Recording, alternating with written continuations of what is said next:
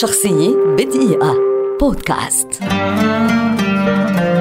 وودي آلن مخرج وممثل وكاتب سينمائي ومسرحي وعازف جاز أمريكي ولد عام 1953 ويعد أحد أبرز المخرجين في تاريخ هوليوود. عرف بتقديمه الأفلام الرومانسية الكوميدية التي يتخللها محاكاة ساخرة وكوميديا تهريجية أو ما يعرف ب slapstick. التحق الن بجامعة نيويورك عام 1953 ثم التحق بقسم إنتاج الأفلام لكنه لم ينجح وترك الجامعة. بعد ذلك بدأ بكتابة نصوص للتلفزيون ورشح عام 1959 لجائزة الإيمي لأحسن كاتب لكنه لم يستمر في هذا المجال واتجه إلى الكوميديا المسرحية وسرعان ما أصبح ذا شعبية في مسارح نيويورك وفي ذلك الوقت تشكلت شخصيته الكوميدية التي استمرت معه طيلة مسيرته. عام 1968 قدم وودي آلن أول أفلامه حين أخرج وألف ومثل فيلم Take the Money and Run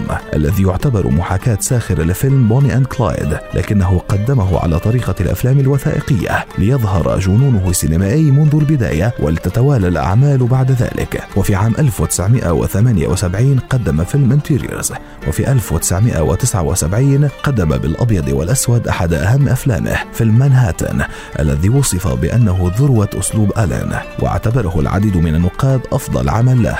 وفي عام 1980 قدم أيضا بالأبيض والأسود فيلم Stardust Memories الذي يعتبره ألين فيلمه المفضل رغم أنه لم يلقى الترحاب من النقاد. ومن أبرز أفلامه أيضا نذكر Annie Hall Midnight in Paris Blue Jasmine Match Point The Purple Rose of Cairo و Radio Days فاز وودي أربع مرات بجائزة الأوسكار من أصل 24 ترشيحا نالها في ثلاثة مجالات. هي الإخراج والكتابة والتمثيل. لكنه رفض استلامها جميعا لأنه لا يعترف بالجوائز ولا تعني له شيئا أبدا لا بل يسخر منها. شخصية بدقيقة.